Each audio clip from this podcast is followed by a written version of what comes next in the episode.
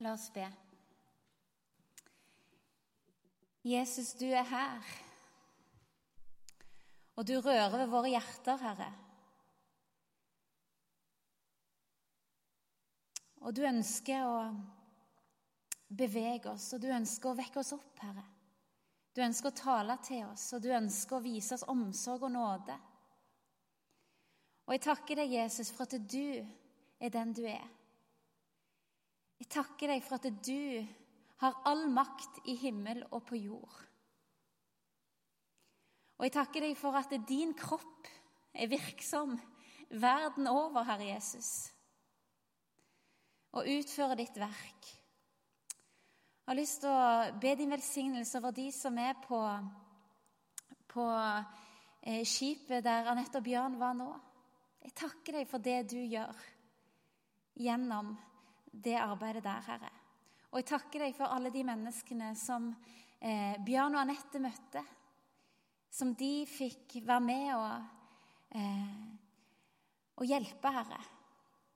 Og vise barmhjertighet mot. Og Jeg har lyst til Jesus å be om at du skal nå eh, de neste minuttene tale til våre hjerter enda mer, Herre. Gjennom ditt ord. Det ber jeg om i Jesu navn. Amen.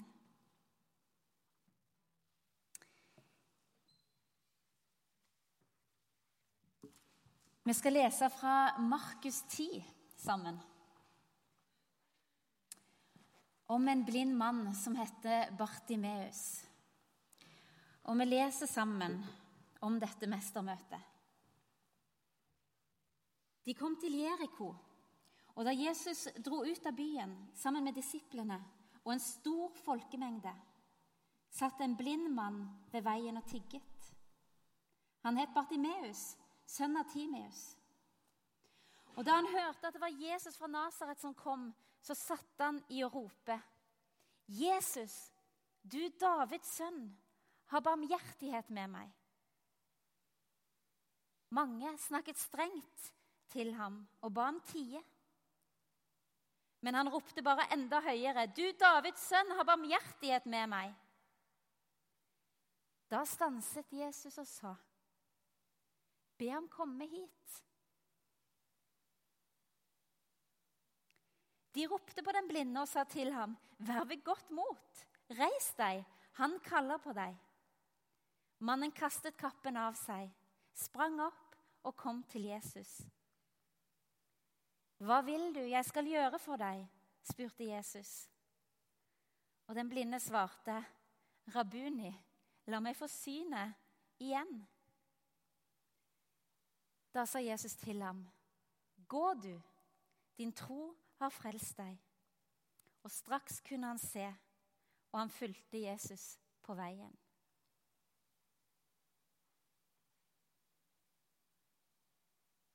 Vi har allerede blitt grepet av eh, det Anette og Bjørn delte fra Kamerun. Og Det er òg mange ting som griper meg når jeg leser denne teksten. Jeg har lest den en del ganger de siste to ukene. Og Det som slår meg, det er at Guds ord er så fullt av dybder og ulike perspektiver. Og Her i denne teksten så er det som alltid så mye å gripe fatt i. Og så er det også sånn at Ulike aspekter med Guds ord griper oss forskjellig, alt etter hvor i livet Gud ønsker å tale til oss og berøre oss. Men jeg tror det er én ting, iallfall. Vi skal ha noen få ting som jeg skal løfte fram. Men det er i alle fall én ting, og det har vi allerede møtt gjennom det Anette og Bjørn delte, og det er barmhjertighet. Denne mannen som sitter blind når du var blind, så var du ikke en del av det gode selskap. Og På den tida fantes det ikke statlige instanser som sørga for mat og klær og, og trygd. Det var ingenting. Og denne mannen var overlatt til å tigge. Og han hører rykter. Når han er blind, så er hørselen skjerpa. Og han hører rykter om denne Jesus fra Nasaret som er på vei forbi. Og han roper av lung, all sine lungers kraft. Jesus, du Davids sønn, har barmhjertighet med meg. barmhjertighet.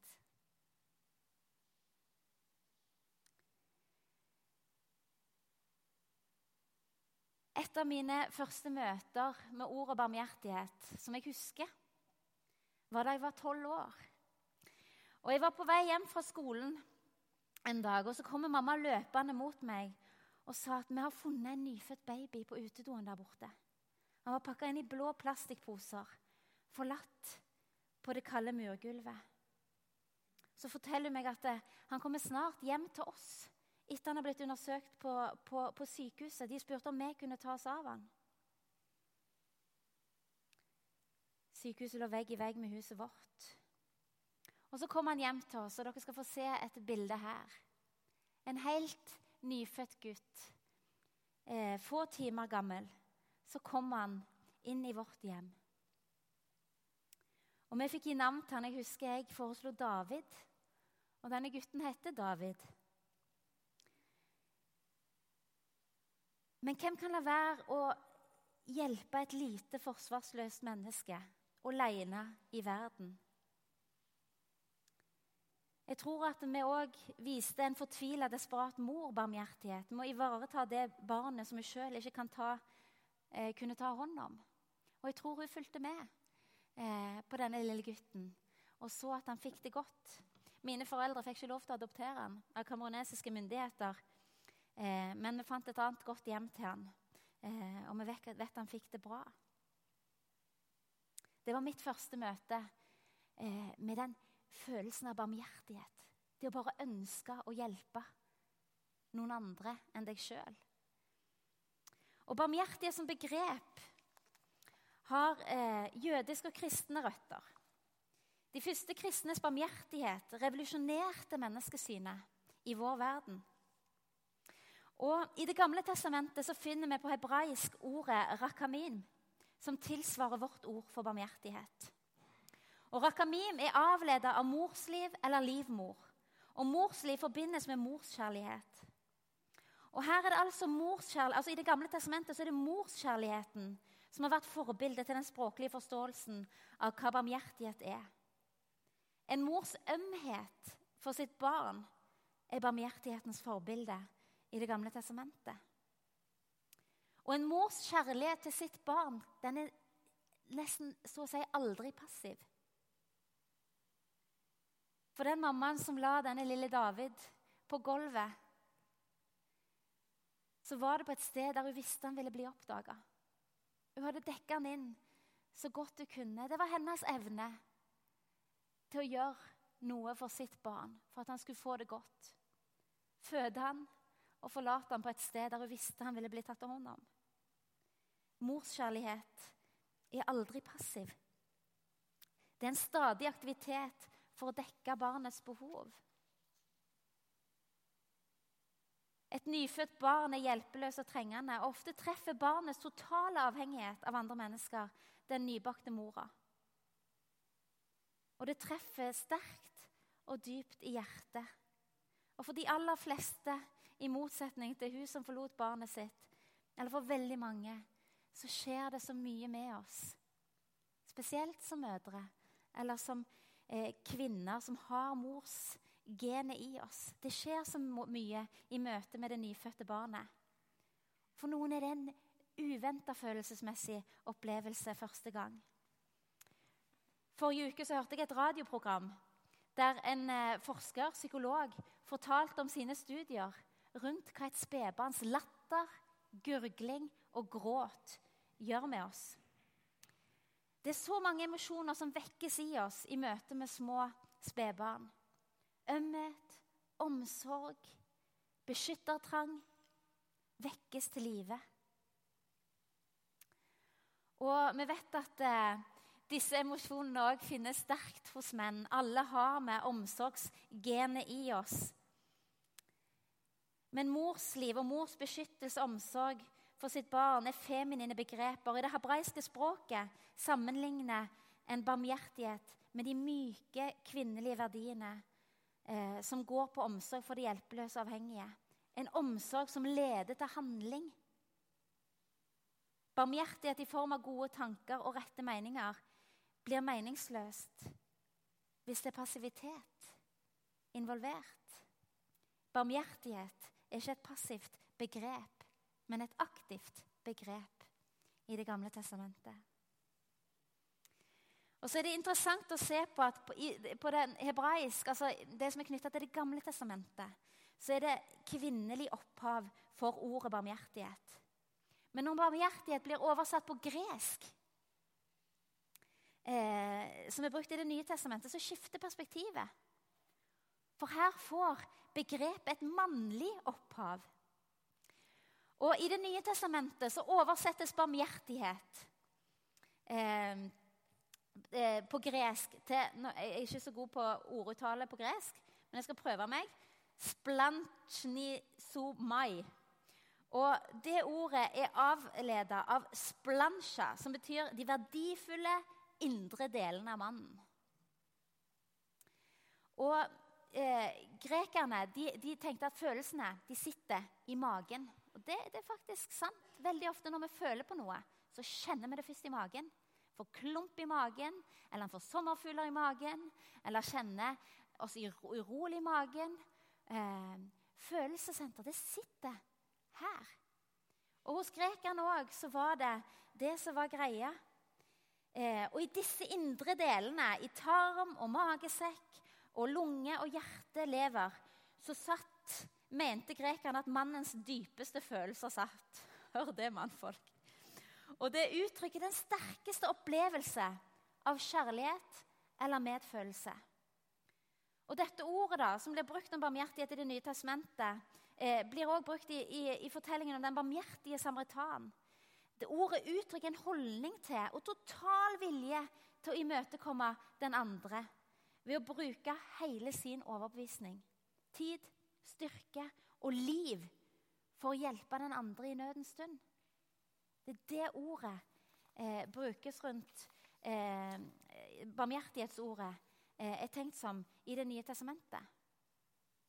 Men på denne tida, når den kristne barmhjertighetstanken vant fram, så hadde den greske borger lite til overs for å bli grepet av følelser.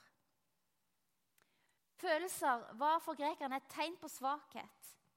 Og Idealet var å bevare fornuften og handle rasjonelt etter grundig overveielse. Og splansjni somai ble en motsetning til dette følelsesløse idealet.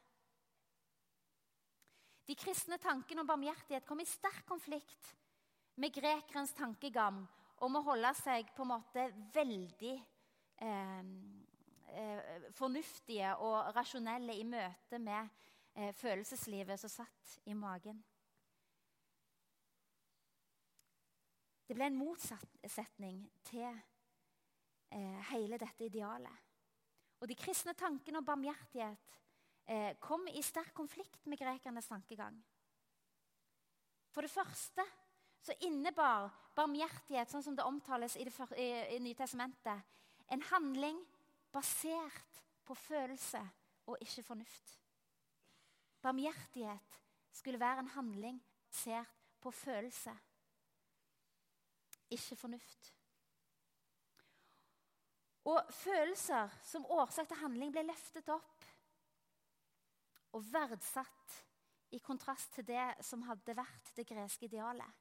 Og vi ser det forandra verdenshistorien, hvordan en så på mennesket Humanismen ble til.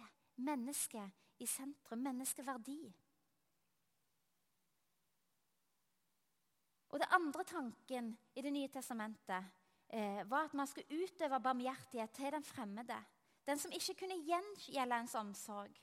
Uavhengig av hvor i den sosiale rangstigen den fremmede var. Og Det ser vi i den lignelsen om den barmhjertige samaritan.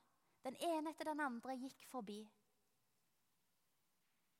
så var det en samaritaner som kom og knelte ned ved den, det mennesket som trengte det. Og For det tredje så lå begrunnelsen i handlingen, den barmhjertighetshandlingen hos den som ga hjelpen. Det handler ikke om å edle ens egen karakter og løfte opp seg sjøl. Det handla ene og alene om den andres nød. Begrunnelsen for utøvelse av barmhjertighet lå den, hos den som trengte hjelp ikke hos den som fikk følelsen. Det handler ikke om meg og mitt behov, den nye tanken om barmhjertighet i Det nye testamentet, men om den andres behov, den fremmedes behov. Og Oppsummert kan en si at barmhjertighet har tre grunnpilarer, sånn som det kommer fram i, i Det nye testamentet. Barmhjertighet bygger på følelser. Den inkluderer den en møter. Fremmede mennesker som har behov. Og den begrunnes ene og alene i det behovet som en ser. Barmhjertighet.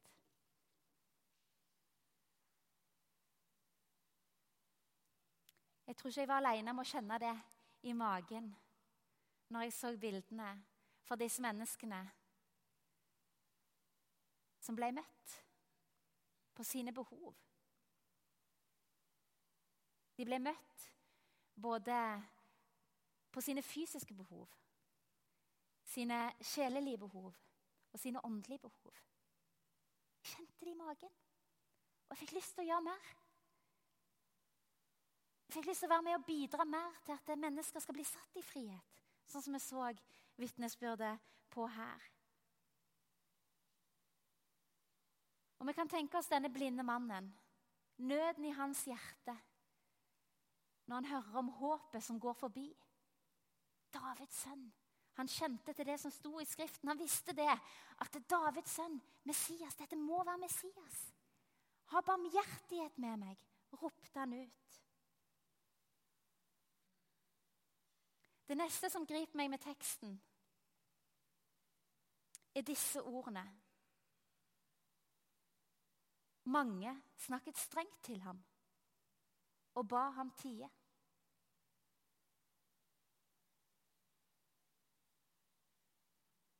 De hørte et rop, og de var rundt Jesus. De gikk sammen med Jesus. Og så hørte de et rop. Og de så nok òg et behov som satt der ved bymuren utenfor Jeriko.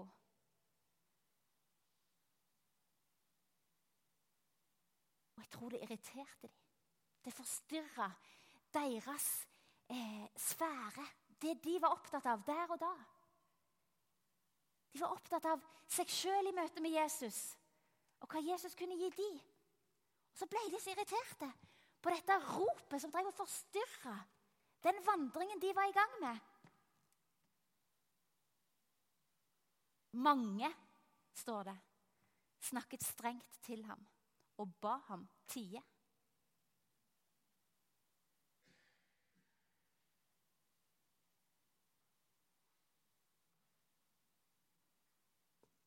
Hvordan står det til med oss på vår vandring med Jesus? Vi vandrer med Jesus i en stor flokk. Folkemengde. Vi deler en folkemengde som følger Jesus. Og Jeg tror ikke jeg er alene her som kan kjenne irritasjon noen ganger. Forstyrrende støy. I møte med barnet som for hundrede gang ringer på hjemme hos oss og trenger å bli sett. Eller bare litt den følelsen av at det, ah, det, er så mye behov der ute. Og så kommer det litt sånn avmakt. Ja, men hvordan? Hvordan skal en se? Hvordan skal en hjelpe? Hvordan skal en få det til?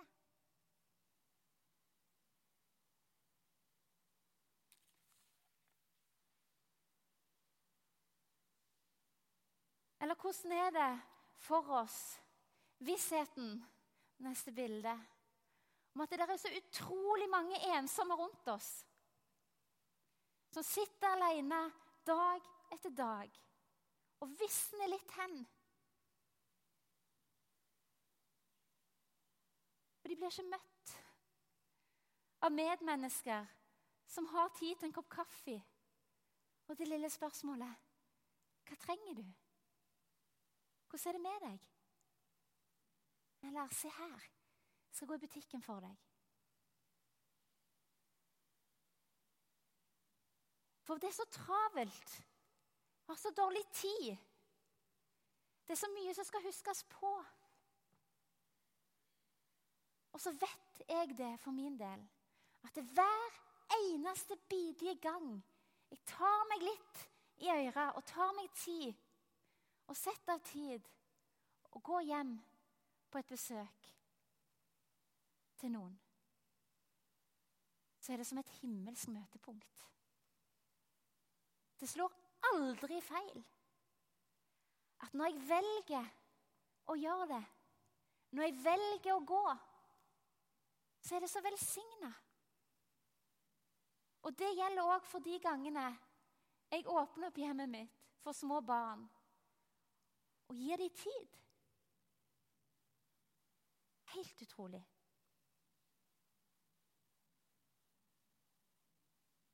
Og så har vi òg nye landsmenn. Og jeg tror de som er med på Språkkafeen, kan skrive under på at det er velsigna øyeblikk her ute i foajeen.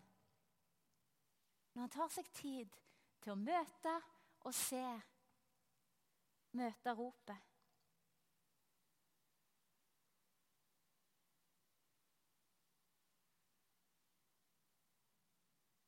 Jesus sa det. Sannelig, jeg sier dere, det dere gjorde mot én av disse mine minste søsken, har dere gjort mot meg. Og I sommer så hørte jeg en fantastisk tale. Jeg tror det er en av de beste talene jeg har hørt i hele mitt liv. Og Mannen som talte på Liv og vekst, var Dagfinn Høybråten. Og Han var virkelig en underdog som kom inn. Jeg, jeg hørte ingen som så fram til å høre politikeren ha kveldsmøte på Liv og vekst. Men du verden, jeg har aldri hørt så mange lovord i etterkant heller. Og han talte ut ifra denne teksten dette hva dere gjør mot en av disse mine minste. Jesu ord har dere gjort mot meg, som Jesus sa. Og så løfter han fram dette ordet. En av mine minste. Det er en liten sånn drolt, holdt jeg på å si, over én. Én. Den i kursiven er framheva. Det dere gjør mot én av disse mine minste, gjør dere mot meg. Og Så fortalte han en fantastisk historie om oldefaren sin, som var misjonær i Kina. Som tok til seg et lite gatebarn. Og Så malte han ut denne historien om hvordan denne gutten ble tatt inn i hjemmet der og vokste opp.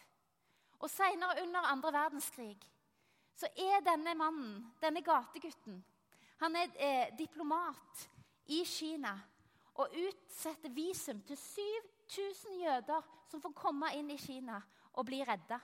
7000. Det oldefaren gjorde mot én, én person, det fikk fantastiske konsekvenser seinere.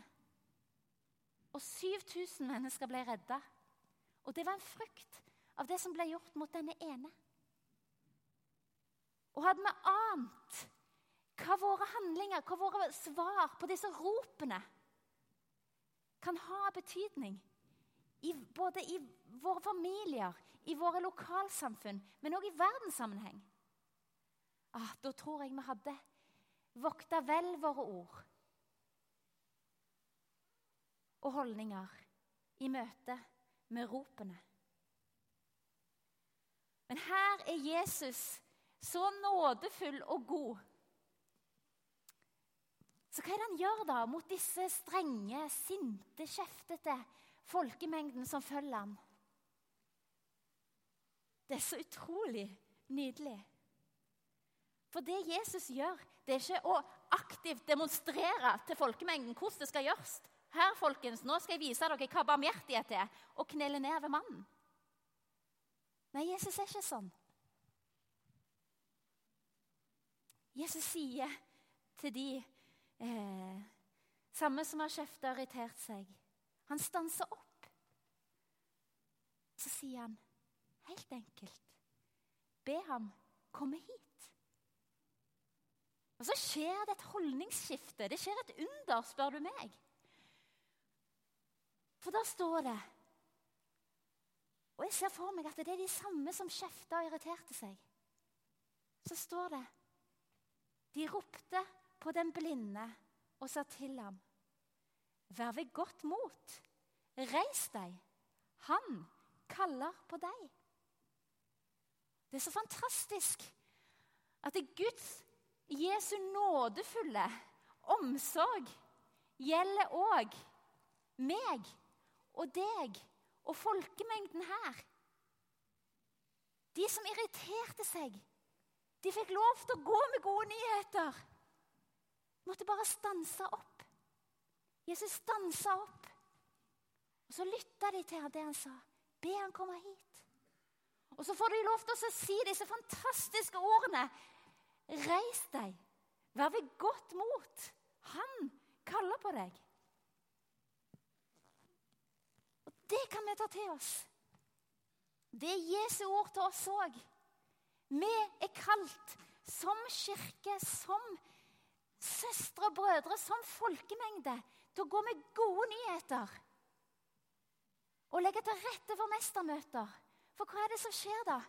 Jo, når mannen får den invitasjonen, så springer han opp, står det.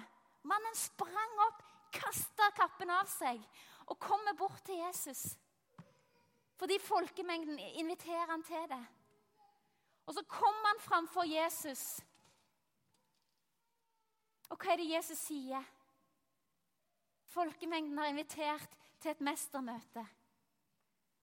Og Jesus spør, 'Hva vil du jeg skal gjøre for deg?'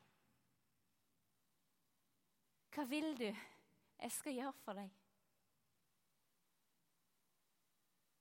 Så sier mannen, 'Rabuni, la meg få synet igjen. La meg få se.'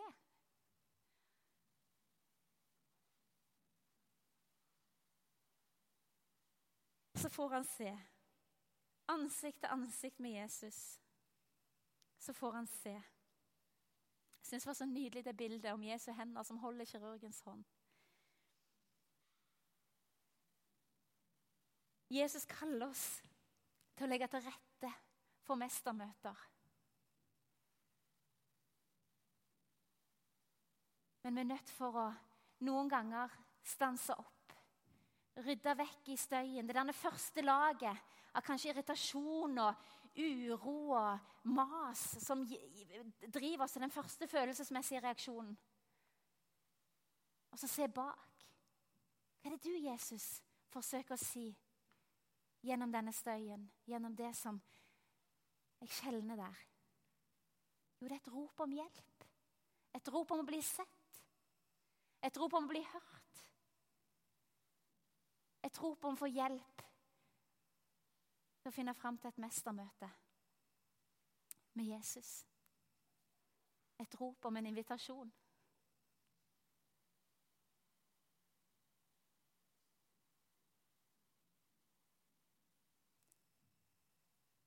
Den blinde mannen får syn igjen og finner frelse. Og til slutt Jeg tror òg det er sånn at teksten kan si oss noe om at eh, dypest sett så er vi alle hjelpetrengende. Vi trenger alle hjelp noen ganger. Vi trenger at noen sier til oss 'Reis deg. Vær ved godt mot'. Det er en vei ut av dette. Eller han kaller på deg. Han kaller deg til noe nytt. Jeg tror dypest sett så trenger vi alle å stå foran Jesus i et mestermøte der Jesus kan spørre oss som enkeltindivid Hva vil du jeg skal gjøre for deg? Og Jesus spør så gjerne om det. Spør så gjerne deg om det. Igjen og igjen. Hva trenger du? Hva vil du jeg skal gjøre for deg? Og Mange ganger så er det nettopp sånn som det er med mannen at vi trenger å få se. Ikke sånn som vi sjøl ser, men med Jesu blikk og med Jesu øyne. Og så åpner det seg et helt nytt perspektiv som er så uendelig mye bedre. Vi skal be, eh, eller vi skal gjøre en liten sånn eh, mestermøteeksperiment. Og Jeg har lyst til å invitere deg til å lukke øynene igjen. Og se for deg at Jesus står foran deg. Og så kaller han deg ved navn. Og så sier han, 'Hva vil du jeg skal gjøre for deg?' Hva trenger du?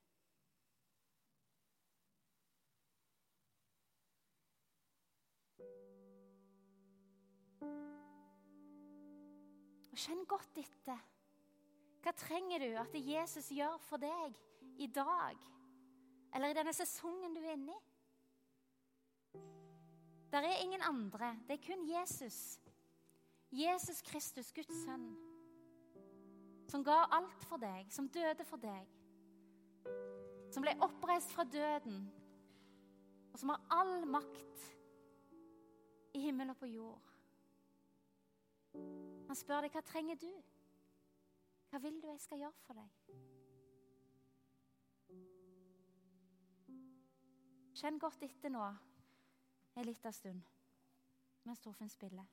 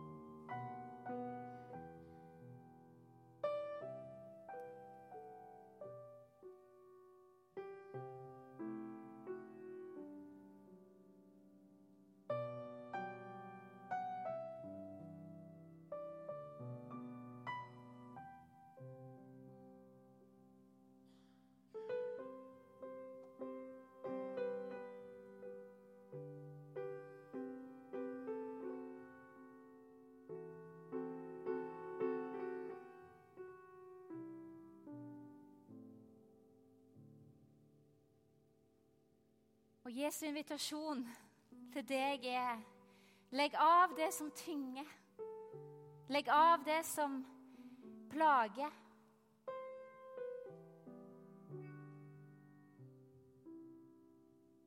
Og han ønsker å legge sine hender på deg og møte deg akkurat der du er, sånn som du er. Og som han var mot mannen, så er han trofast mot deg. Når du går og følger hans, etter han og følger hans fotspor, så er han trofast i ditt liv og vil lede deg hele veien igjennom. Vi skal be. Herre Jesus, jeg takker deg for at du er veien, sannheten og livet. Selve livet, Jesus. Og Herre, du ser de utallige eh, behova og bønnene som, som har steget opp til deg nå, Herre. Du ser hvert et behov, hvert et rop om barmhjertighet. Og Herre Jesus, jeg ber om at du skal eh, fortsette å forme og skape. Jeg ber om at du skal gi synet tilbake der det trengs, Herre. Jeg ber om at du skal vekke barmhjertighet til live der det trengs, Jesus. Jeg ber om at du skal gjøre ditt verk i hver og en av oss, Herre. Så vi kan være en folkemengde, Herre Jesus Kristus, i Haugesund misjonskirke, som kommer med gode nyheter. Som ofte sier 'vær ved godt mot'. Jesus kaller på deg. Kom, bli med. Og Herre, jeg har bare lyst til å be en, din velsignelse ut over kirka vår, Herre, og det som ligger foran, far. Kall av ny pastor, hovedpastor Jesus, og skal være med og lede oss videre, far. Jeg ber om at din rike utrustning og velsignelse skal være over oss. Og Herre, jeg ber om at du skal føre oss dit du har tenkt, som fellesskap. Men òg hver enkelt av oss som enkeltpersoner, Jesus. Det ber jeg i ditt hellige navn, Herre Jesus Kristus, du som er sann og hellig og evig. Amen.